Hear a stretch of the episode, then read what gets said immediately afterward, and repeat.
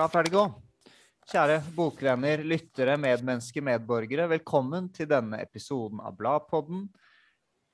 Vi sitter på Zoom med hver vår bokhylle i bakgrunnen. Eh, ikke jeg, faktisk. Men vi har med oss eh, Frode Helmik Pedersen med en bokhylle bak der. Årets kritiker, velkommen til deg. Tusen takk for invitasjonen. Vi har med oss Thea Baugstø, eh, kritiker og bibliotekar. Velkommen til deg. Takk for det. Og vi har med oss Eirin Andresen Betten, journalist og lampeentusiast. Og kritiker og Nå essayist. finner du på ting. Ja, ja, ja. Beklager. Jeg glemte å si at du er litteraturforsker også, Frode. Eh, Vi skal snakke om litterær kvalitet, eh, intet mindre. Men la oss først starte med å snakke om hva dere leser for tiden. Kjære lytter, velkommen til denne fotnoten som informerer deg om at hvis du vil vite hva deltakerne leste, så må du vente helt til slutten av episoden.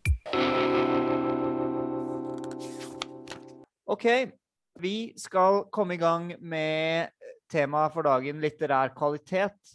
Og vi har jo da med oss som sagt årets kritiker, så vi må jo først bare en lite sånn sidespor si gratulerer til deg, Frode, med å ha vunnet denne utnevnelsen.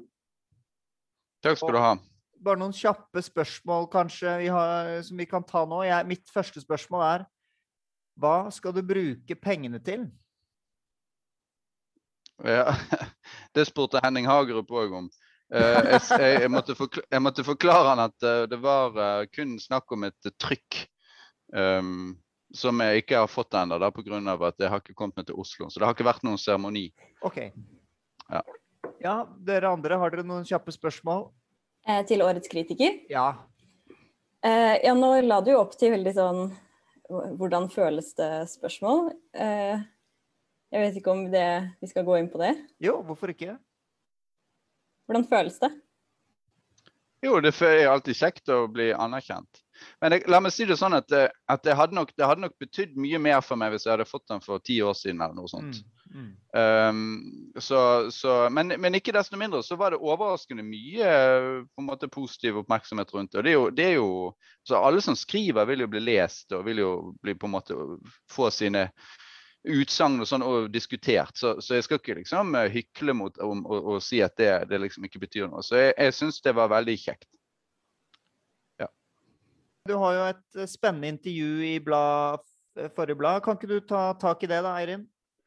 Jo, um, for du sier jo at du har innsett at samtidslitteraturen uh, også har andre oppgaver enn å aspirere til kanonisk status. Den skal være et fortell... Eh, nei, den skal fortell, være en eh, Jeg har skrevet det i egen håndskrift. Det går Fortløpende, i står det. Fortløpende, takk. takk. Eh, kommentar til vår tid.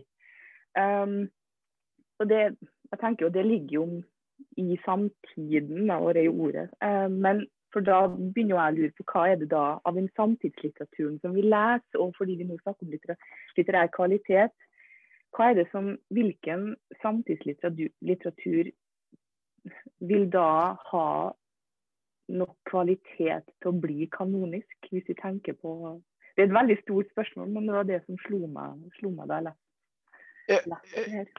Ja, altså eh, Før så hadde jo den eh, var jo den oppfatningen at det var egentlig bare det å ha litterær kvalitet som hadde betydning. Sant? Sånn at Det var det man aspirerte mot uansett. Og all litteratur har jo vært samtidslitteratur først. Sant? Og så er det spørsmålet om hva som overlever.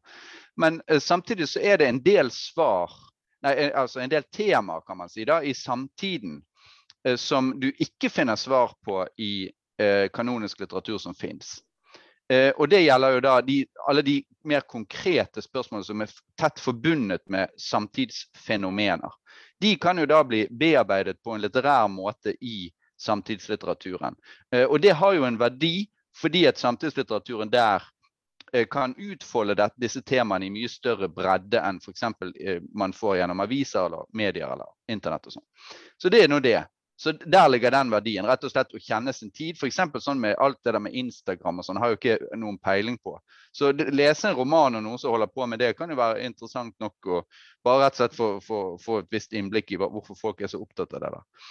Men, eh, men, men det, det, spørsmålet som du jo egentlig stiller, er jo om vi kan nå eh, på en måte se noen konturer av en kanonisk forfatterskap i, i Norge.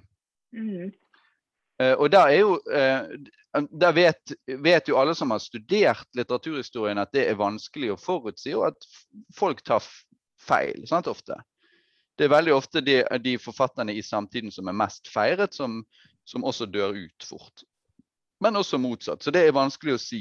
Men, men jeg, jeg, har jo tidligere skrevet en artikkel om det der i BLA, om kanondannelse og sånn. og der, der um, skriver jeg vel noe sånt som at Solstad etter, etter andre verdenskrig så er vel Solstad den som forekommer med sikrest eh, som kanonisk norsk forfatter. Eh, andre kandidater eh, kan være da um, Kjell Askildsen og Jon Fosse og Jan Erik Vold. Og da fikk jeg jo det problemet at jeg ikke hadde nevnt noen kvinner, så da ble det jo litt sånn innspill om det. Men altså, der, får jo folk foreslå kvinner, da. Men altså, altså jeg tror ikke altså det, var, det, ble jo hevdet det der at kjønn var et viktig aspekt ved litterær kvalitet. Men jeg kan ikke se veldig tydelige tegn på at altså Poenget er at folk leser ikke av plikt eller av ideologiske grunner på sikt. Så du kan ikke regne med at folk skal lese av feministisk pliktfølelse. Sånn at eh, man leser fordi man liker boken. Iallfall i lengden. Og Derfor så tror jeg at, um, at det som er mest um, At det er det som har betydning. da. Altså at boken er bra. Men så, så, er jo, så, er det jo, den andre innvendingen som jeg vel også er inne på akkurat når det gjelder kjønnsspørsmålet, er jo at det kan jo hende at jeg ser bare eh, ting som menn er opptatt av. Det, det er selvfølgelig, altså, er, Muligheten for at jeg tar helt feil, er jo, er jo absolutt helt klart til stede. Litt av problemet der er vel at vi alltid har levd i en tid hvor de fleste ser det som en er opptatt av, at, og det er det som vi tillegger verdi, og fortsetter å tillegge verdi. Så, um, så altså, når man snakker om kanonisering, så er det jo også et spørsmål om hva um, hva vi syns er verdt å bruke tid på. Og altså hele ideen rundt et forfatterskap eller et verk også er jo ikke uavhengig av eh, bildene eller historiene som fortelles om den forfatteren. Da, og da er det jo den visste mannlige da opphøyes. Eh, ja, altså, jeg mener jo at jeg, jeg mener jo at det er såpass mange kanoniske kvinnelige forfatterskap siden i de 200 siste årene at den tesen om at det kvinnelige støtes ut av kanon, eh, den er ikke helt eh, sikker på om jeg uh, tror på. Det er, det er fullt mulig, men, jeg, men, det som er det store kriteriet når det gjelder all kanonisk tankegang, er tid. Uh, og det som overlever tiden, det overlever også motene. Det som folk er opptatt av i hver enkelt epoke. Uh, og da er, det, da er, det, et eller annet Jeg snakker jo om litteraturens mirakel, sant? men det er et eller annet litt sånn udefinerbart som gjør at um, altså, Som man selvfølgelig kan diskutere på veldig mange måter. Men altså, det er, det er, altså, mitt syn er at litterær kvalitet er noe som finnes. da, Og at det er, det, som over, det er nettopp det som gjør at noe overlever. Det er da tesen min. Og det, eller det er jo en normal, uh, si, kanonisk tese. Kanonisk tankegang. Mm. Jeg tenker litt på den jeg har, prøvd, jeg har gjort et lite forsøk på å lese en del norsk samtidslitteratur de siste årene. litt fordi jeg er for dårlig til det. Jeg ender opp med å lese mye. Jeg har studert engelsk. Engelsk litteratur og den britiske og den amerikanske kanoen, egentlig. Og det måte det er, Jeg havner veldig ofte uh, dit uh, by default, på en måte. Så um, i påska så har jeg lest Olaug Nilsen sine bøker. 'Tungtidstale' og den siste som heter um, 'Bli hvis du må', er ikke den heter? Nei. Nei. Hva Nei, hva var det? Ja, Hel- Helga Flatland. Nei, nei, skal vi se. Nå blander jeg to, og den heter 'Yt etter evne'. 'Få etter behov', heter den. Um, og det er jo to veldig gode bøker. Jeg syns jeg, jeg liker dem godt. Um, men, og ikke er jo ikke for å redusere Olaug Nilsen. Er noe at er noe ikke kanoniserbart, for det er det absolutt ikke. Men, men der er det såpass det hun ønsker å diskutere, det hun vil snakke om, det hun ønsker å fremme, er jo såpass tydelig om det kan bestå tida, tror jeg kanskje ville ha vært litt vanskelig, fordi at den hekter seg jo så veldig på ting som foregår akkurat her og nå, at den kanskje blir litt for den er litt for sterk, rett og slett, i sin samfunn. eh, i sitt, eh, i sitt ønske om å hekte seg på et eller annet som foregår her i samfunnet, til å kunne være eh, tidløs nok da, til å bli kanonisert. Så Det er en, bare en påstand. Ja, men der, der, må du jo, Eh, ja. der må du huske Mm. på at uh, det er jo nesten ingenting som blir kanonisk. Uh, sånn at uh, det er jo all, Etter all sannsynlighet så blir jo det meste glemt. sant? Og, og, Mm. og at, at Olaug sine bøker muligens ikke er kanoniske, det tror jeg vi kan være enige om. Og jeg er helt enig i at, at den at, at den der veldig sånn si, direkte tilknytningen til konkrete saker som opptar henne, og som er, uh, står sterkt uh, i, i hvert fall til dels i dag, da. Uh, om altså, bl.a. sosialhjelp og det faktum at man ikke får den hjelpen man trenger og sånn. eh, det er nok ting som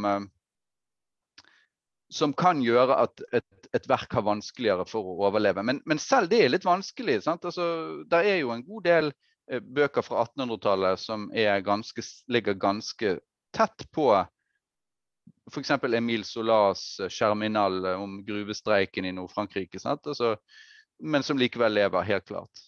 Så det der, ikke, det, det, det der kan man aldri helt vite. Men jeg tror du har rett, ja. I tilfelle Nilsen. Ja, for hva er det som får Bjørn Hansen-bøkene av Dag Solstad til å fremstå som kanonisk? For det er jo det, det, er det også vi prater om her, ikke sant? Eh, Ja, ja. eh, Der, er, der, er, der er jo diksjonen helt klar. Altså, jeg, jeg har akkurat jeg har akkurat eh, hatt, holdt på med Solstad hele dag faktisk på jobben. Forelesninger og sånn. Og, og, og, og diskuterte sånn grundig, da. Og jeg kommer liksom hele tiden frem til det der at det er noe med at Solstad har jo vært gjennom veldig mange faser i sitt forfatterskap. Men han er alltid gjenkjennelig. Og det er veldig vanskelig å få til. Altså En norsk, erfaren norsk eh, romanleser trenger kun å lese et par-tre setninger før du vet at dette er det faktisk bare Dag Solstad som kunne, kunne ha skrevet. Og det er, det er et eller annet eh, med hvordan han plasserer ordene, og hvordan han, han bruker arkaismer, og hvordan han får til en sånn eh, veldig distinkt tone i språket sitt. Som, eh, som gjør det veldig eh, som, som for, altså, hvor, han, hvor han nærmer seg dette som jeg snakker om i, i den andre artikkelen i BLA, eh, eh, det som vi kaller for fraseringens uunngåelighet. Den følelsen, den følelsen du får av at dette kunne ikke vært sagt på noen annen måte. Eh, og der får, du, der får du en eller annen form for fusjonering mellom innhold og form som, er, som er, gjør veldig sterkt inntrykk. Da. Mer enn at det handler om en, en kemner som vil begynne med rullestol. Ja. Det er vel noe som er gjenkjennelig. Altså, du, du vet For du vet jo når du leser litteratur som ikke er god. Det er jo det som er, og det er jo det du snakker om det både i intervjuet ditt og i teksten din, at uh, det med litterær kvalitet um, Det er Men ja, jeg, jeg tror òg det er en liten ting til. For det er òg det med litterær kvalitet Vi snakker jo fra et perspektiv som fire vi kan jo, ok, beleste mennesker, eller i hvert fall lesende mennesker. Um, og jeg vet jo veldig godt personlig, men tar igjen bare min personlige uh, lesning av noe. Jeg vet når jeg ikke liker noe litteratur. Jeg merker det veldig fort. Og det kan jo hende at andre synes at den litteraturen er god, det kan til og med hende at den litteraturen er kanonisk. Um, men jeg vet når jeg ikke liker den. Jeg kan godt nevne et eksempel. Jeg gjør det. Uh, ja, jeg liker ikke Maja Lunde sine bøker. De irriterer meg. men de er da blitt uh, Jeg hadde en venninne for noen, noen, måneder siden som sendte meg en melding og sa jeg har akkurat lest 'Bienes historie' av Maja Lunde, og det er noe av det beste jeg har lest på lang, lang tid. Uh, og det greier ikke jeg da å forstå. fordi jeg har, prøvd, jeg har lest den boka, og jeg synes det er ingenting ved den boka jeg liker. Ingenting som jeg synes som er bra ved den boka. Men, um, men ja, ja. Så, nei, bare en liten kommentar. Det er vel ikke så kontroversielt eh, i, hvis du er litteraturviter eller kritiker og ikke være fan av Maja Lunde? Nei, det er nok ikke kontroversielt. Men så kommer vi da, må vi begynne Hun er jo hva er det da som gjør det, de bøkene der såpass bra? Men, at de selger så mye som de gjør. For, ja, men, ja, men, men det, har det noe med litterær kvalitet å gjøre? Det, det har ikke. Noe med tema, eller tendensen. Altså, Salgstall er jo ikke, henger ikke liksom, Nei, nei. Det var ikke det jeg mente. Bare så det, jeg har ikke lest Maja Lunde, må nei. sies. Um, okay. men um, Det bekymrer meg litt at du ikke forstår hvorfor folk liker Maja Lunde. Det er ikke noe Altså, jeg kan Nei, ja, OK. Forklar Hvorfor meg. det, Jonas? Forklar meg. Forklar Fordi, deg. Hvorfor liker blir Maja Lunde? Fordi eh, Hun skriver jo en spennende fortelling. Bienes historie er en, en, en plottdrevet med, med mange av de riktige virkemidlene for å, for å skyve en historie framover med jeg, jeg kjenner ikke veldig godt den historien, men det er jo det er plottdrevet, og det, det, treffer folk i, i, det at de syns det er spennende. Og så er det miljøtema i tillegg, så du får den kombinasjonen, da. Det er det samme som å si Jeg skjønner ikke hvorfor folk liker Fifty Shades of Grey. Det er jo Det appellerer jo. Men, men, eh, men Jonas eh, ja, altså, Frode. Ja, Frode. eh, jeg har lest eh, Jeg leste jo um, i, faktisk i forbindelse med at jeg skulle skrive den der um, uh, artikkelen til BL, siste BLA. Om, ja. Ja, da, da, had, da, var jeg på, oppe hos mine foreldre på, på uh, Geilo. Og da hadde jeg nesten ingen bøker der. Så da, hadde, da sto det sånne Maja Lunde-bøker. Så tok jeg frem en, så tenkte jeg og leste én side, da, og så tenkte jeg ok, dette kan jeg jo bruke som et eksempel på noe som er skikkelig dårlig. Men så skrev jeg det ut, så tenkte, følte jeg meg litt sånn her slem og litt sånn Nei, dropp noe. Altså, for det er, det er, jo ikke bra skrevet. Sant? Og det er, det er interessant fortelling. Og det der som du sier med at fortellingen er viktig, altså det har vært underkjent. Så det, det er jeg helt enig i. Det, å konstruere en fengende fortelling er en litterær kvalitet, for all del. Uh, men det er Hun skriver kort og godt for dårlig, slik jeg ser det. Jeg dropp, men jeg droppet å, å, bruke henne som eksempel og tok heller Agnar Mykle, for jeg følte det var, da kunne alle slappe litt mer av, sånn at det ble riktigere pedagogisk. Så folk, folk, blir så sint når man sier at uh, sånne populære forfattere er dårlige. Ja, men, er jo, ja. men, men, bare for, bare for å liksom fange opp uh, Eirin sitt poeng her. Det jeg ville ha gjort, Eirin, hvis jeg var deg, for å teste dette, dette her, det var jo å ta og lese kanon. Og så finne, altså, og kanon det er ikke noe diskusjon, det er ikke noen særlig diskusjon om hva som hører til kanon, hvis du går litt tilbake i tid. Og så kan du se da eh, om det er noe der du misliker. Da er det veldig interessant, for det er på en måte sertifisert. Maja Lunde altså, full, det er jo helt greit å ikke like det. Men hvis du da f.eks. oppdager at du klarer ikke å lese Emily Dickinson, eller du klarer ikke å lese Dickens, eller du klarer ikke å lese Emily Bronte, eller hva det nå er, Jane Austen, da er det mer interessant. For da er det kanskje du som tar feil. Eller da er det stort sannsynlighet for at du tar feil. Og så kan du komme frem til at det er et eller annet med den forfatteren som du ikke tåler. Og Det kan jo være f.eks. noe ideologisk. Eh, sånn som med Ernst Jünger i Tyskland, f.eks. En forfatter som, som eh, på mange måter uh, var uh, tett på den nazistiske bevegelsen. og skrev om krigen første verdenskrig. sant? Eh, det er jo klart at, eh, at, eh, at f.eks. en jødisk kritiker i etterkrigstiden kan få en sterk uvilje mot Ernst Jünger, til tross for at han er en god stilist, f.eks. Harold Bloom har jo snakket om at han har store problemer med Nytestamentet, og særlig Johannesevangeliet, fordi han, han, mener at det er antisemittisk. Ja. og, og sånne ting så, så da blir det jo blir det interessant. Da får, du, da får du på mange måter Du lærer, lærer, noe om det selv, og du lærer noe om ideologi og litt sånn forskjellig. Mens, uh, mens uh, hvis vi diskuterer norsk samtidslitteratur, så er det stort sett de som sier at det er dårlig, som har rett i lengden. Men kan vi, kan vi, ikke gå litt løs på, på kanoen og denne kanoniserte åpningen som du bruker som eksempel på et udiskutabelt uh, høy kvalitet høy uh, litterær kvalitet, høy litterær kvalitet, nemlig åpningen på Herman Bruchs Vergils død.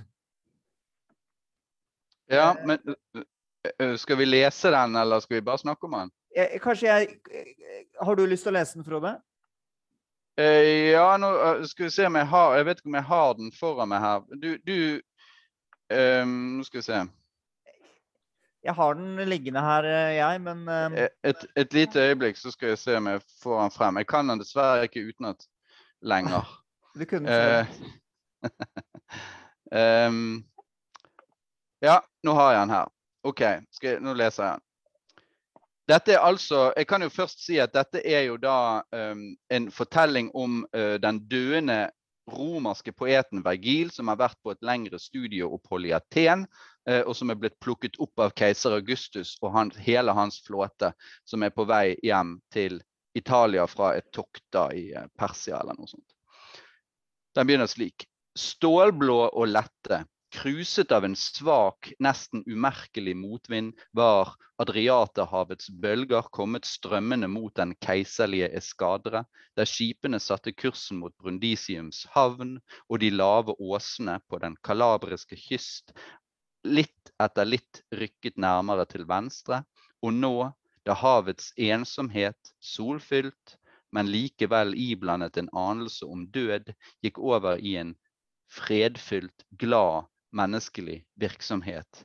Nå, da sjøen lå der i et mildt skimmer av så nær menneskelig travelhet og bebyggelse, og fyltes av mange slags skip, skip som også styrte mot havn, og andre som nettopp var seilt ut. Nå, der fiskebåter med brune seil overalt var på vei ut fra de små moloene i de mange landsbyene og tettstedene langs den hvitvaskede kysten for å dra ut til kveldens fangst, nå var vannet blitt nesten speilblankt. Perlemorskinnene hadde himmelens musling åpnet seg over det hele, og det ble kveld og man kjente lukten av rykende ved fra de åpne ildstedene hver gang livets toner, hamring eller rop ble båret derfra med vinden. Yes.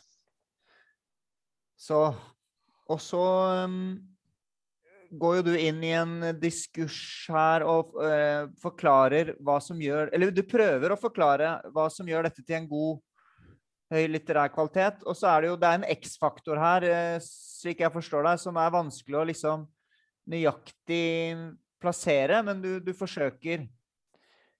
Eh, og du sier også at er det mulig å ha innvendinger mot denne passasjen, ikke sant? Eh, den er nærmest bortimot uangripelig, uangripelig i sin suggestive, poetiske presisjon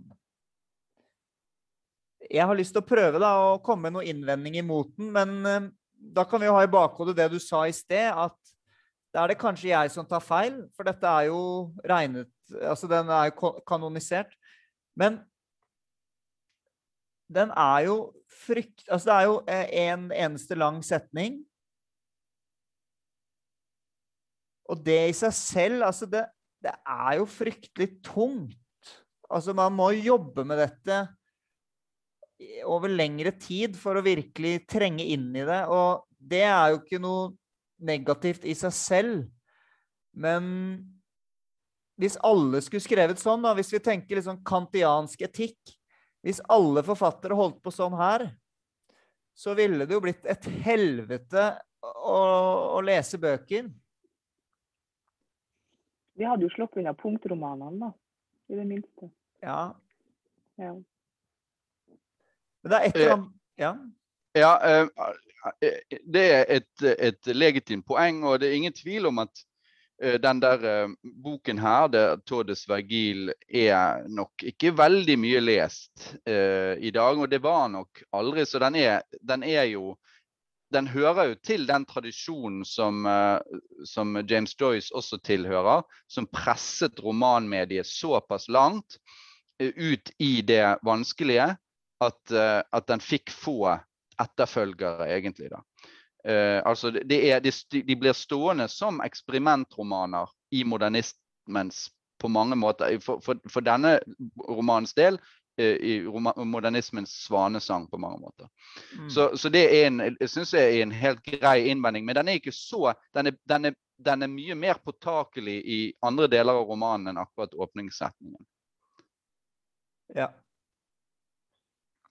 Så, men det er jo også, og, så det er det ene, den modernistiske vanskelighetsfetisjeringen. uh, en måte fetisjeringen.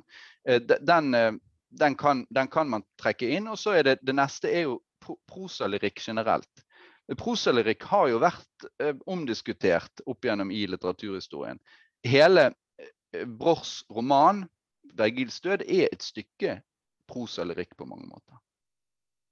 Og, og, og, og da, da, folk, det fins jo folk som har ment at, eh, at prosalyrikk er en slags uting. da. Altså at man enten får holde seg til lyrikk, eller så får man skrive tydelig og klar prosa.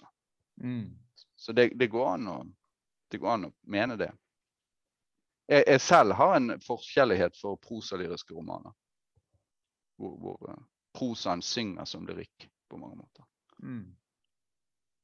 Det er jo det at den er eh, ikke så veldig lett å lese den åpningssetningen. Det vanskelighetsgrad er jo ofte et interessant eh, barometer på om noe er godt eller ikke, hvis man opplever at det er verdt å jobbe med det. Altså hvis tekstens motstand faktisk er eh, fruktbar å være i, da, og det merker man jo etter hvert. Og den åpningssetningen her, jeg syns den var veldig flott, men jeg merker jo også at uten kontekst, for jeg har ikke lest den romanen, så er det nok mye som glipper for meg. At jeg ser at jeg har ikke noe å utsette på den, jeg har ingen innvendinger. Men hvordan kan jeg ha det når jeg ikke ser hva som kommer etterpå, eller vet hva det her egentlig er snakk om heller. Um, Nei, og nå er det jo ikke ja. vanlig å bedømme en roman kun etter åpningssetningen heller, da, tross alt. Nei, heldigvis. Men jeg fikk mye ut av uh, din lesning av den. Jeg syns det egentlig var nesten morsommere å lese enn selve setningen. Takk skal du ha. Uh, um, til, til liksom resten av romanen så kan det jo sies det at det er jo en det er jo en lang meditasjon om diktningens legitimitet, og den er ekstremt uh, presserende for den type forfattere etter andre verdenskrig det er båret oppe av en, enorm, uh, en enormt sterk følelse av at diktningen kanskje ikke lenger kan uh, forsvares. Fordi at vi må, vi må, rett og slett drive med andre ting. Verden, verden, er avhengig av at vi som er forfattere, holder på med noe annet. Så, så Broch og jeg f.eks. holder på med tanken om et, et folkeuniversitet på tvers av alle grenser, hvor vi kan lære om menneskerettigheter og ditt og datt. Altså, rett og slett for å unngå denne katastrofen igjen. Han var jo jødisk forfatter. Har du noen innvendinger, Jonas? Nei, jeg, å... jeg har ikke noen flere innvendinger annet enn det. Og uh, jeg, jeg, satte også pris på din lesning av åpningen. Og jeg, jeg var og jogget i tirsdag morgen ned til Sørenga. Og da var det liksom stålblå og lett, uh, lette sånne bølger. Uh, og så tenkte jeg på dette med iblandet en anelse om død. Som, ehm, som, du skriver, Frode, at det er velkjent for, alle de som har, for dem som har sitt bo og virke langs kysten. Eh, så når jeg løp, løp forbi ehm, disse stålblå, lette bølgene på tirsdag, så ja, her er det en anelse om død også. Jeg, jeg, jeg skjønte liksom hva som ble ment med det. Mm. Eh, så ehm, det er jo en, en veldig rik åpning, men jeg jeg stiller meg litt Ja, den Jeg er litt kritisk til modernismen. Det er selvfølgelig et stort tema, men det er noe med Hvis alle hadde holdt på sånn, så hadde det blitt vanskelig. Men er det, et, er det et argument, Jonas? For, altså, alle holder jo ikke på sånn. Nei, heldigvis. Heldigvis. Altså, det- den beste litteraturen i verden hadde jo det hadde ikke vært bra hvis alle hadde holdt på sånn pros heller, liksom. Nettopp. Det er, ja, nei, det, det, det er sant, eh, Thea. Men eh, modernisme er, er problematisk, er, er etisk problematisk i sin vanskelige estetikk. Det mener jeg faktisk. Eh, Altså, jeg jeg er også, jeg er også absolutt ferdig med modernistisk dogmatikk for min del. og Det var en prosess som var viktig for meg i min lesning. Eh, Men det gikk jo mest på å fri seg fra disse at, at, at eh, modernismens dogmer alltid må gjelde. Da, for det gjorde de på litteraturstudiet da jeg studerte. ja. Um, og det gikk jo bl.a. på dette med at kompleksitet var alltid bra og sånn. Uh, og det, jeg er helt enig med deg at det er ikke det nødvendigvis. Men som Thea påpeker, det er jo nettopp det at du føler at du får noe igjen for det når du har jobbet med det. At det er noe der. Sant? At, eller at alt er på en måte, alt er sånn som det skal være. Det er ikke bare å være vanskelig for å være vanskelig.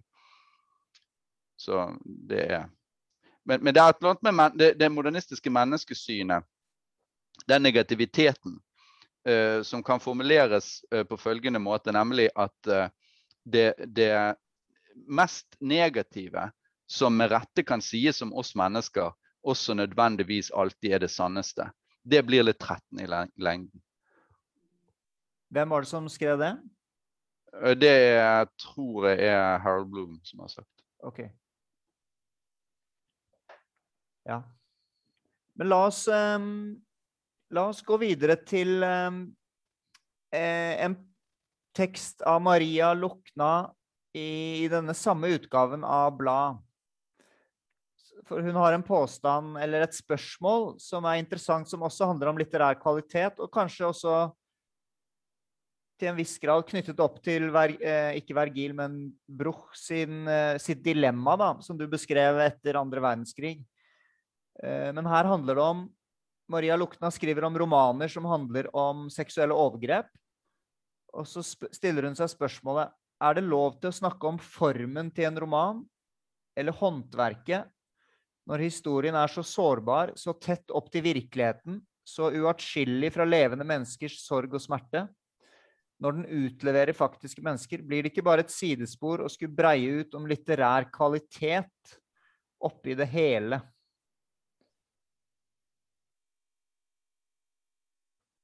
Altså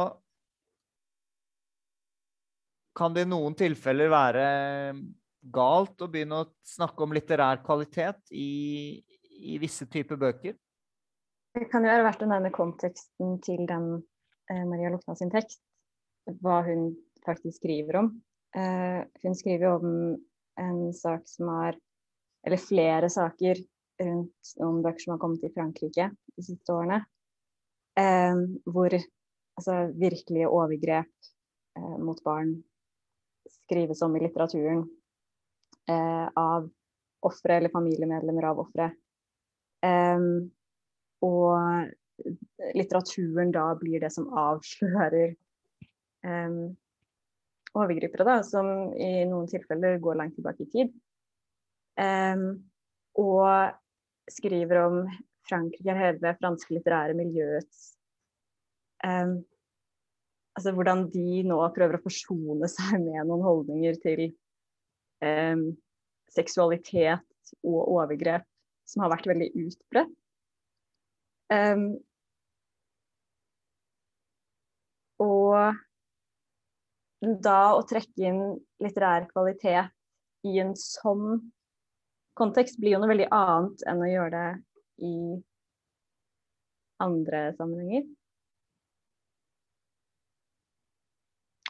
Jeg Ja. tror du er inne på noe der. Jeg tror det. Vær så god. Nei, nei, Eirin, det er absolutt jeg som har snakket mest så langt. Nei, altså, det med, i, den her, I dette tilfellet så vi er jo bøkene skrevet for, med det et primært form, altså med, det, med det formålet at det skal faktisk avsløre eh, avsløre de her eh, overgrepene. Um, de er vel egentlig ikke skrevet for å bli bedømt heller um, som et litterært verk. Altså, det, kan, det, kan, jeg ta helt feil, da, men slik jeg har lest teksten til Maria Lokna, så er vel innholdet stiller seg jo over alt annet her. Og bøkene er jo skrevet um, fordi de må bli skrevet, i den forstand at de skal avsløre det som har hendt, og fordi at noen av sakene er såpass gamle at de kan ikke lenger eh, bli anmeldt. altså Overgrepene kan ikke bli anmeldt. da. Så her, er det, her bruker en litteraturen for å, for å avsløre sikkert egentlig en del eh, altså, ting som allerede er overgrep som mest sannsynligvis er kjent av veldig mange, men ikke, som, som ikke er blitt, eh, blitt lufta eller snakka om eller anmeldt. Um, og dermed så kanskje litterær kvalitet den, i, denne konteksten faktisk nesten blir irrelevant.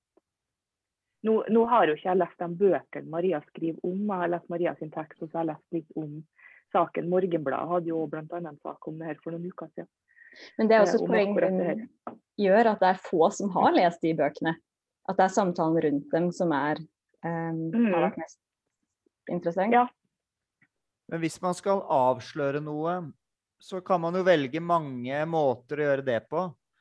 Og så lenge man velger romanformen, så vil det jo alltid være relevant, syns jeg, å snakke om litterær kvalitet.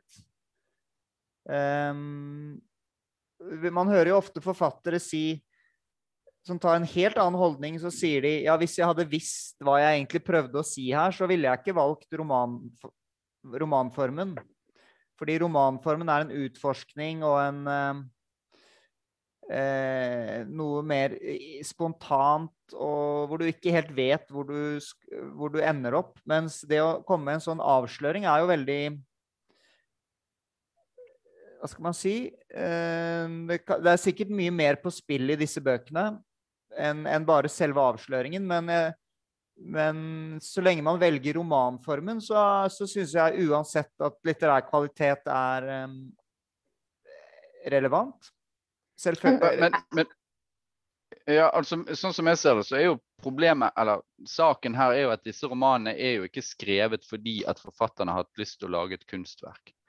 De er skrevet som, så vidt jeg forstår, da, igjen, jeg har ikke lest det i likhet med de andre her, Eh, men de, de, de, rett og slett gjør bruk av romanformen for å få belyst en, en, kritikkverdig sak som ellers ville vært vanskelig å belyse. Man kunne jo sånn på, altså Hvis man hadde vært en gammeldags uh, klassisist eller sånn uh, idealist, uh, altså estetisk idealist, så ville man sagt at litteraturen så å si blir, blir her utnyttet eller besudlet. Selve litteraturens renhet blir så å si tråkket ned i søla. Eh, men, men, det er jo ikke vanlig å mene lenger. Det var jo veldig vanlig på, på 1800-tallet å mene det at vi skulle holde den type polemikk og den type anklageskrifter vekk fra liksom, poesien. da. Eh, men eh, mens her er, vel, her er, det vel, primært snakk om ting som prinsipielt kunne vært gjort i form av f.eks. For en kronikk i avisen eller Eh, eller en lengre reportasje i avisen eller på, på, på et dokumentar eller hva som helst, egentlig. Det er, det er kort og godt innholdet som teller. Uh, og, og um, derf, Det er derf, nettopp derfor ingen har giddet å lese de romanene. For det er ingen som tror at det er det som er poenget. Mm. Ja, hun skriver jo òg at uh, i hele tatt for å forstå innholdet, um, så må du faktisk ha fulgt med samfunnsdebatten. Um, for Hvis ikke så vil ikke innholdet i de her romanene, romanen egentlig make much sense. da. Så da er det til det Frode sier, at det er, det er vel eh, debatten rundt som har vært eh, det primære formål, form, formålet med bøkene i første omgang. Ja, og da er det jo interessant da, det hele, altså, Oppgjøret med den der eh, franske kulturen er jo da er jo da veldig interessant, selvfølgelig. Det, fransk kultur har jo nettopp det ryktet på seg, og har jo hatt det i alle år. At det er eh, et, et arnested for en, en del eh, perversjoner, for å si det sånn, som ikke Eller hva skal man si Seksuelle utskeielser, for ikke å være fordømmende. Um, som, som, man vel ikke har så mye i andre land. Det er iallfall det som er klisjeen om fransk finkultur. At der foregår det lyssky ting. og det viser seg at det har en viss eh, rot i virkeligheten.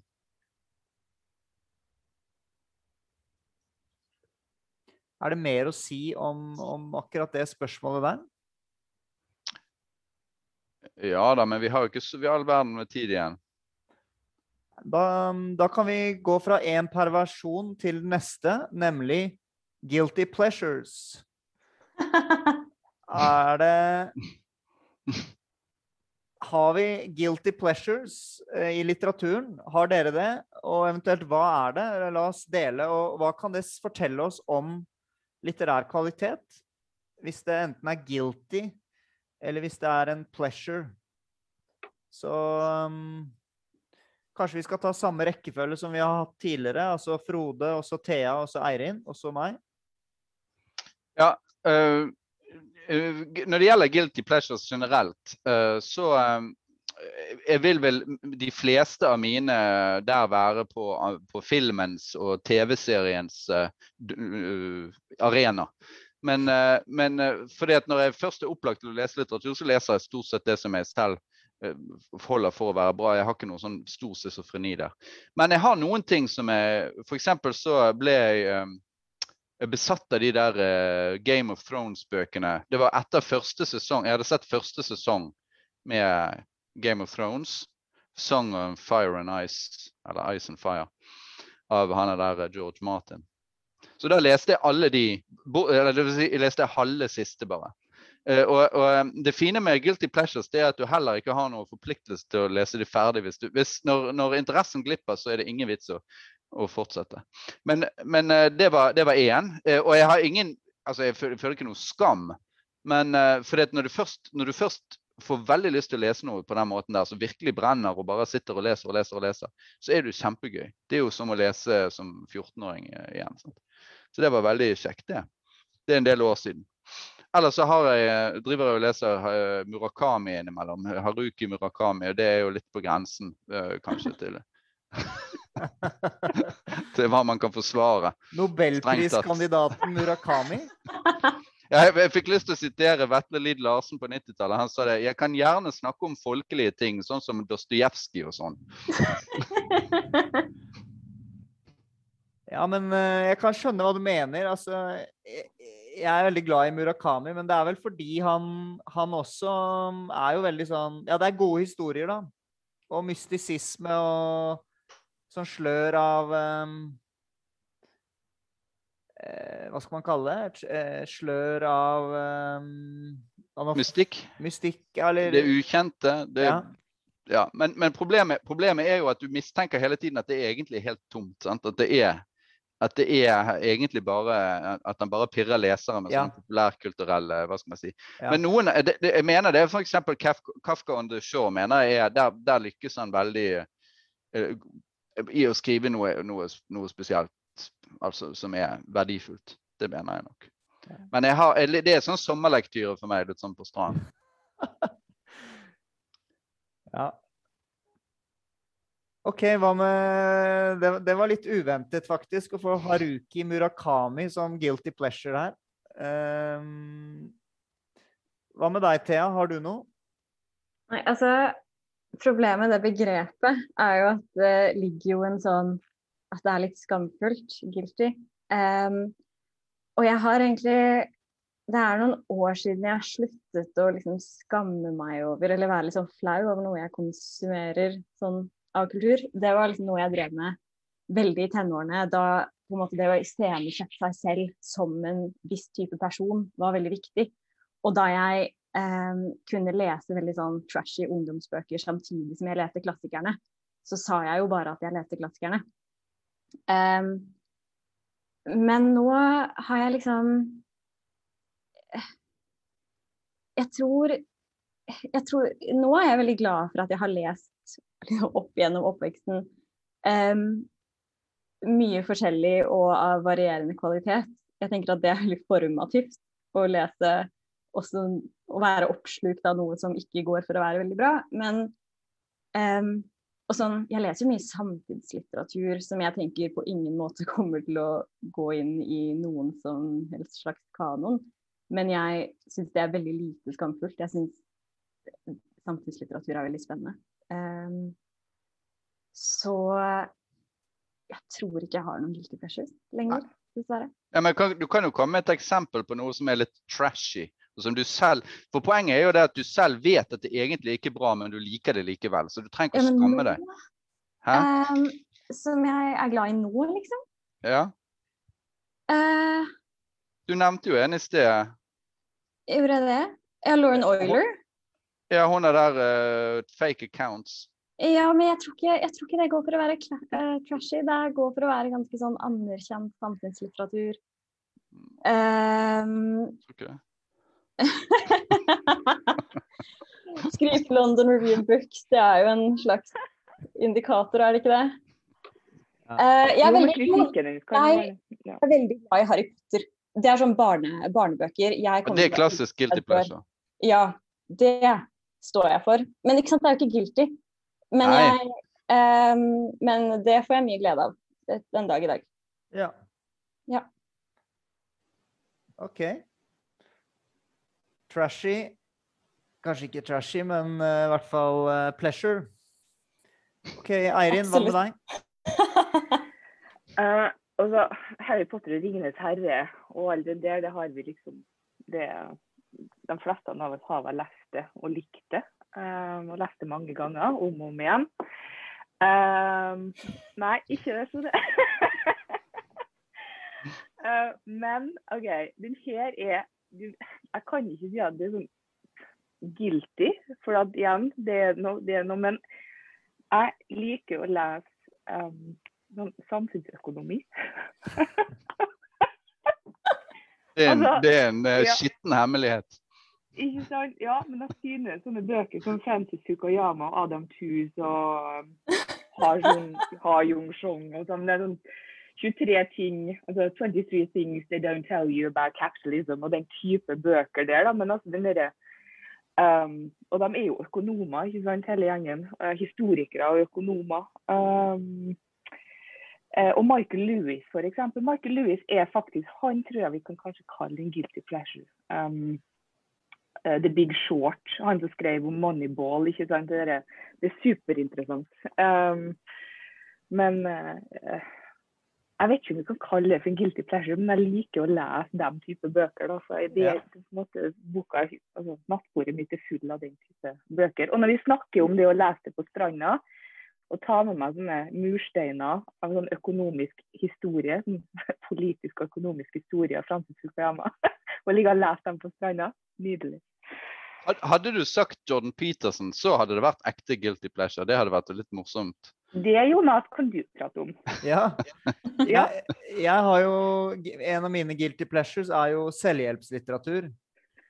Eh, Det, det får jeg masse ut av. eh, Og jeg ser jo at mye av det er dårlig, men det fins også god selvhjelpslitteratur.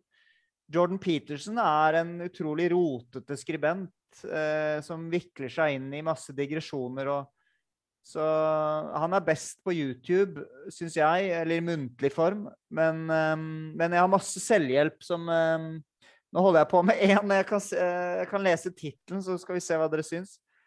Ehm, skal vi se her, jeg har den på Kindlen min. 177 Mental Toughness Secrets of the World Class. Ta én secret, da. ja, si en tall mellom eh, 1 til 177, så skal jeg finne den fram. Ja, 54. Ja, vent litt, det var O. Frode som eh, spurte her, da. Nei, ta 54. Samme det. OK, 54. Her kommer den. The great ones challenge the facts. Det er eh, Hæ? The great ones challenge the facts. Og så kommer det to sider hvor det utdypes litt. Um, og det er, ja det er, Mange av dem er ja. Jeg, jeg ser jo at dette er for veldig mange fremstår tomt og sånn, men jeg får masse ut av det. Og koser meg med det. Og, og prøver faktisk å Altså, jeg reflekterer over det. Jeg sitter og skriver om det i dagboken min. Nå tuller jeg ikke. Eh, og bruker det faktisk til å prøve å styrke min egen karakter. Nå høres jeg superironisk ut, men det er jeg faktisk ikke. Jeg tror ikke at du er ironisk, men jeg ser, jeg ser, når du sier det, så får jeg absolutt et, eh, noen aha-opplevelser. eh, knyttet til mitt inntrykk av deg òg. Du gjør det? litt sånn eh, ja, utfordre sånn vedtatte sannheter og sånn. Ja. Ja, ja. Challenge, challenge the facts. ja. Ja, ja, men altså, jeg er litt enig med deg. Jeg har, jeg har faktisk jeg, jeg tenkte ikke på det der, for det er ganske lenge siden. Men uh, sånn rundt 2006, rundt der, jeg bodde i USA. Ja. Der var det sinnssykt svære sånne her, uh, seks, sånne her uh, ja, seksjoner med, med selvhjelpslitteratur. Så da kjøpte jeg litt sånn om kroppsspråk og litt sånn. Prøvde, men jeg fant egentlig ut altså jeg gjenkjente egentlig, Det som jeg begynte å gjenkjenne, det var folk som hadde lest de bøkene. F.eks. Donald Trump var åpenbart for å ha lest den, akkurat den boken. Du du, kan se at han tar de triksene. Så jeg tror egentlig ikke de triksene er så naturlige, egentlig. Det er mer det der at hvis du lærer deg de kodene, så, så, så går du inn i et sånt system av oppførsel som du kan se i USA. da. Ja, Men så kjøpte jeg også en sånn sjekkebok. Hvordan sjekke damer. Jeg ble singel da jeg var 30. The Game het den. Eh, Jeg vet ikke om dere har hørt om den? Den funker utrolig bra, den. funker utrolig bra i USA og ikke så godt i Norge. Det er min, eh, min sånn rapport fra felten. Så jeg pådro meg faktisk en amerikansk kjæreste. Det var ikke, det var ikke noen lykkelig historie til slutt. Så det er ja, det var jo Må advare mot den boken, egentlig. Ja. Det gikk jo ikke så bra med han forfatteren. Han ble jo sexavhengig, han eh, Neil Strauss. Og ble han det? Han skrev en oppfølger, nemlig The Truth, etter The Game. Og jeg, og jeg har ikke fulgt med på han, men jeg, jeg har faktisk skrevet en artikkel om han i Vagant. Fordi at han skrev The Dirt, en biografi av Metal Crew. Det var en guilty pleasure. The Dirt om uh, bandet Metal Crew. Den Ja. fins jo som film på Netflix. Dårlig film. Men boken er, film. men boken er, er, er gøy for oss som uh, kommer fra 80-tallet og hørte på Metal Crew hver dag. Men eh, jeg syns eh, samtalen om guilty pleasure eh, også brakte med seg noe om litterær kvalitet. Jeg vet ikke helt hva, men, men altså lysten i teksten er jo superviktig. Uten den så hadde vi jo ikke drevet med litteratur. Um, og jeg har Helt sant. ja, og jeg får jo en pervers glede også av å lese Marcel Proust, som ehm, og, jeg blir veldig skamfull også når jeg leser det. Nå, nei, nå prøver jeg å overgå deg, eh, Frode, som trakk fram Haruki Murakami i sted. Eh, Prost eh, er det vel ingen som, som har som guilty pleasure, tror jeg. Men Nei, men eh, pleasure. ja, ja, det er noe nytelsesfullt med disse setningene. OK. Men det eh, var.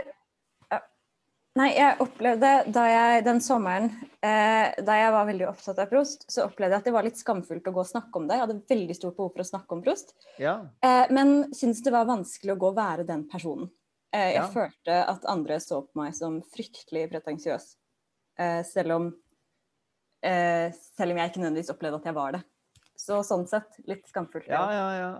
Nettopp. Kanskje du bør få deg noen nye venner. ja, kanskje.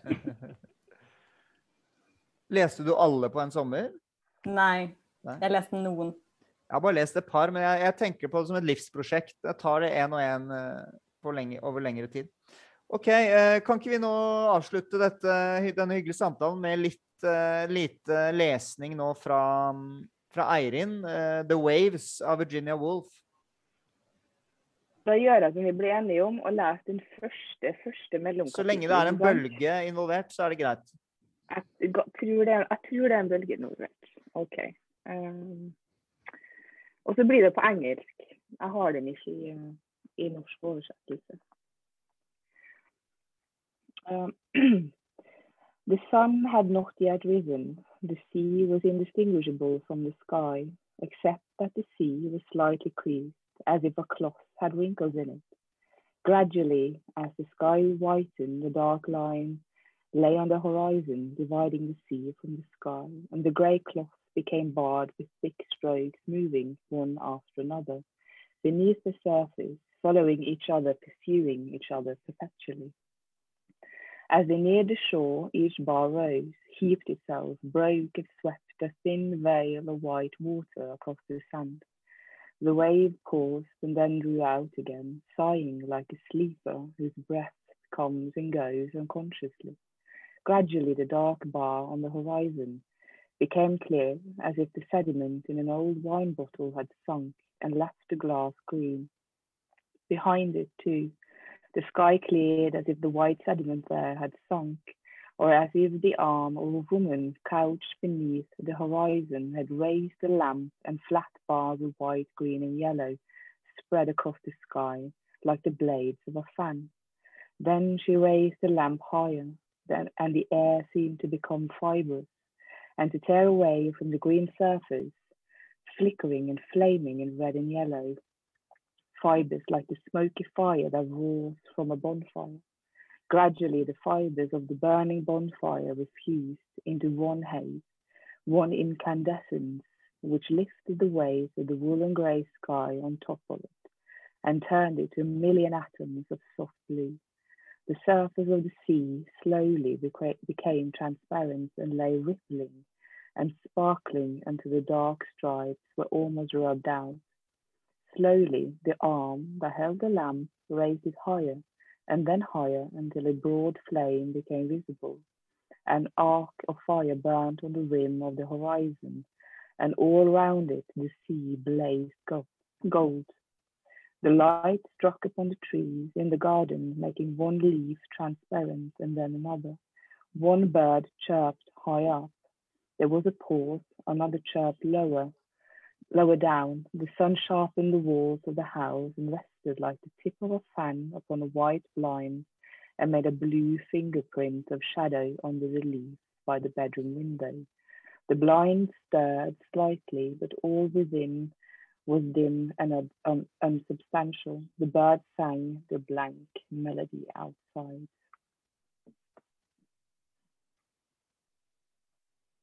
Yes. Yes.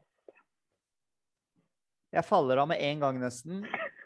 Men uh, det er en fascinerende bok. Jeg gleder meg til å lese den. Den, den fant jeg hos bestefaren min uh, i, i hyllene hans med Guilty Pleasure-bøker, faktisk. Jeg tror ikke den var Guilty Pleasure for han, men den sto sammen med Kurt Vonnegut og litt andre ting. Eh, men jeg Det er må jobbes med. Hva sa du? Ja, men Det må jeg- jobbes med. den er en, en utrolig fascinerende bok. Jeg, jeg gleder meg til å lese hele, og jeg er egentlig glad for at du har brakt den inn i, i, i samtalen her. Men det er en bølge, i hvert fall, og så vidt jeg har skjønt. Og så er det mm, Ja. Hva Det syns er dere, liv, da. hva syns dere andre om dette? Jeg Dere syns det er veldig godt å høre deg lese, Rin. Du har veldig sånn eh, fin stemme. Jeg tenkte at uh, du burde lese inn lydbok. Da hadde jeg hørt på deg. Blir det dialekta her? Jeg vet ikke.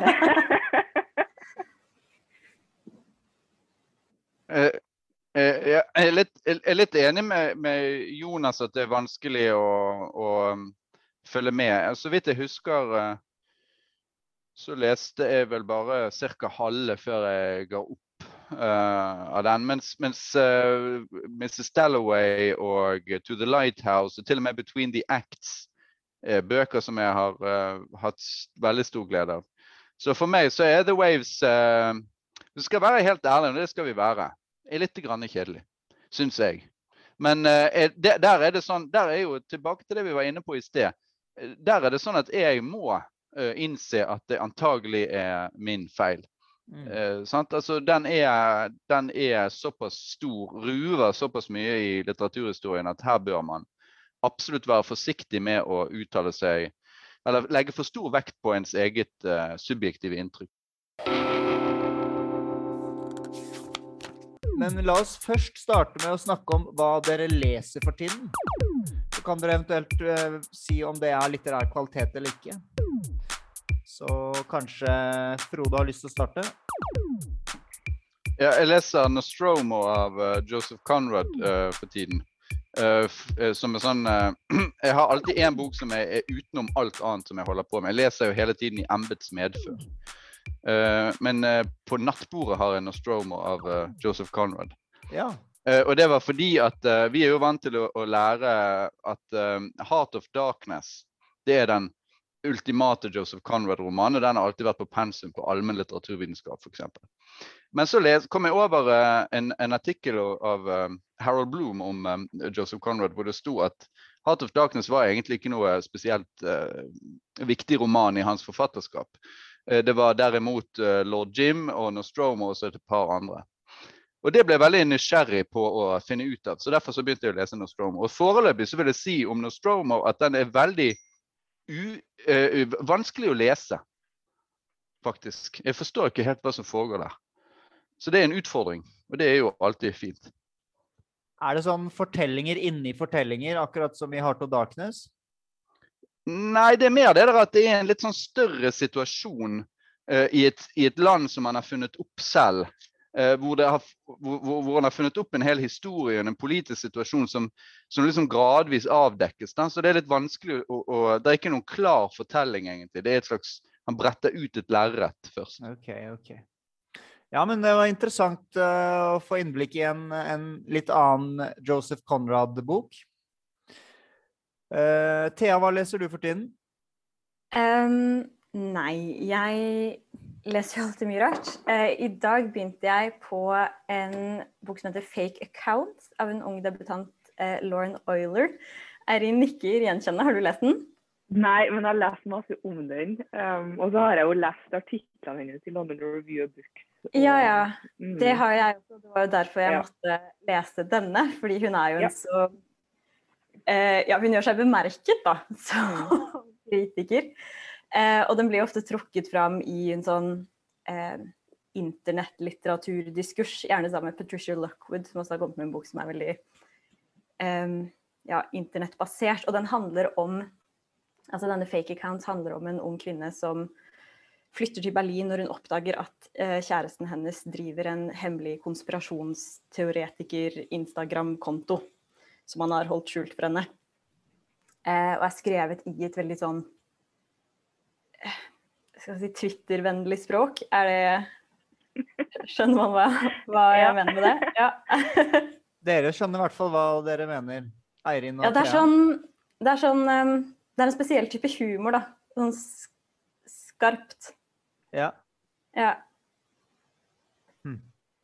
Hmm. Jeg har bare lest eh, 15 sider, så jeg vet ikke om jeg liker den ennå. Men eh, den er så langt underholdende, i hvert fall. Ja, altså jeg, jeg, bare elsker å få sånne boktips. Eh, først litt Joseph Conrad, og så litt sånn Twitter-litteratur. Jeg syns dette er Jeg blir veldig stimulert av det. Men, men Lauren Oiler hun har jo slakta omtrent alt som mm. hun har, hun sjøl anmeldt. Så det, bok, altså, det, henger jo litt høyt, det her. Da. Så spørsmålet var jo om hun greide å gjennomføre sitt eget. Ah. Altså om hun sjøl har greid å skrive en god bok. Og hun har vært så kritisk. Intervju, ja, hun har vært superkritisk til, til spesielt veldig unge mennesker som, altså, som eh, mennesker som forfattere som er like gamle som hun sjøl. Mm. Eh, så spørsmålet var jo om hun greide å gjennomføre, eller har vært, uh, vært flink nok da, i sin egen, sin egen gjennomførelse av, et, av en bok. Og jeg har jo... Det er vel ikke konkludert på ennå, tror jeg. Nei, den har fått litt sånn blandede mm. kritikker. Og jeg må jo innrømme jeg, En god venninne av meg leser den også, og vi har planer om å, eh, om å snakke om den når vi begge har lest den, fordi vi var så Eh, vi begge lot oss provosere sånn av anmeldelsene hennes. Spesielt de veldig kritiske, samtidig som de også på sett og vis er gode. da. Jeg har ikke jeg hørt, at, hørt, om nei, den her. Ja. Eh, nei, etter Google-søk så kommer du langt, Jonas. Ja, flott. Men eh, altså, hun er en kritiker som er kjent for å være veldig kritisk?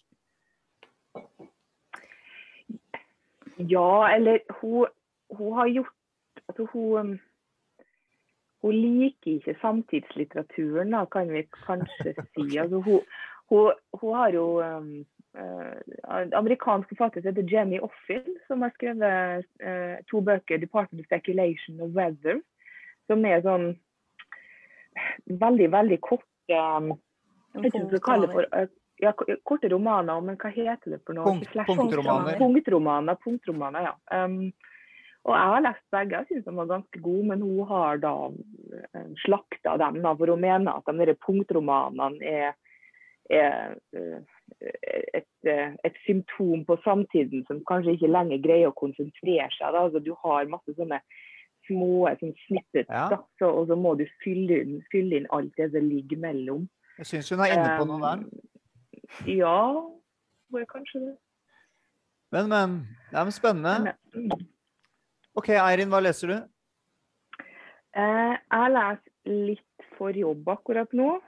Um, så jeg tenkte jeg skulle prøve å komme meg gjennom den Harari-boka 21 tanker for det 21. århundre. Litt fordi at vi holder på med noe sånn nyhetsvegring og informerte borgere og diverse ting i mediefaget som jeg underviser i. Men så begynte jeg å bla litt i den, og så har de sånne eh, Kapitlene heter ting som anerkjenn skyggen din, og rettfer rettferdighetssansen vår kan være utdatert. Noen falske nyheter varer evig. Fremtiden er ikke det du ser på film, og forandring er det eneste som er uforanderlig. Og da orker jeg ikke lese mer, så jeg leste ti sider, så la den fra meg. det ble for uh, Hvis det her er på en måte ramma for boka, så har jeg ikke lyst til å lese noe mer. Um, så jeg la, den, ja, jeg fram i dag. Og så leser jeg en bok om kunstig intelligens, skrevet av en forsker på Universitetet i Agder som heter Morten Goodwin, som var faktisk ganske god. Som heter um, Myten om AI. Myten om AI. Hmm. Ja, ja. Og du, Jonas? Jo, jeg, ehm, jeg oppdaget en forfatter i påskeferien. Var på hytta. Der, det, er så, det er så mange bøker på hytta, for bestefaren min uh, tok med bøker opp dit. Og han hadde sånn bøker han bare leste i påsken. Det var en Odyssevs oversettelse fra Dreyer forlag eh, fra 1944 eller noe sånt. Og så var det eh, Three Men in a Boat. Eh, masse rare bøker. Men jeg oppdaget en forfatter jeg ikke har lest før, som het Arthur Custler. Fra, fra Ungarn. Eh, ja, Frode nikker. Eh, det var en essaysamling som het 'Yogin og kommissæren'. Eh, veldig spennende greier. Så, så, endte jeg opp med å kjøpe en lydbok, uh, 'Darkness at uh, Noon'. Uh, som er en roman av Arthur Køstler, som jeg hører på nå. Det, jeg liker det kjempegodt. God, klassisk romankunst, spør du meg. Um, om en mann i fengsel. Jeg liker også fengselsmotivet veldig godt. Har du noe innspill på han, Frode? Arthur Køstler, siden du nikker? Ja, altså Han er jo en av de få som har som i um, den perioden Hva skal man si Modernistiske perioden opponerte en god del mot uh, modernistisk tenkning og sånn. Og blant annet så holdt han veldig sterkt på dette med dikterfantasien og den type ting mot enor dette enorme formfokuset som kom i modernismen. Og så hadde han en sånn slags kreativitetsteori, blant annet. Um, og så hadde han en, en, en, bok om den menneskelige ånd som noe annet enn en form for mekanikk. Da, i, i, apropos det der med AI, som er veldig interessant i, i, faktisk å lese i forhold til den AI-debatten. Den heter 'The Ghost in the Machine', så vidt jeg husker. Mm. Uh, og så um, Uh, og så husker jeg han fordi at han begikk selvmord sammen med sin kone på sine eldre dager. Ja. Der Freitod, som det heter på tysk. Fordi de var syk, dødssyke. Å oh, ja. Nettopp. Ja, det er en veldig interessant tenker, i tillegg til å være forfatter, og en interessant skjebne. Mm. Og eh, for første gang har jeg begynt å klare å høre på lydbøker, skjønnlitterære lydbøker. Det liker jeg også veldig godt.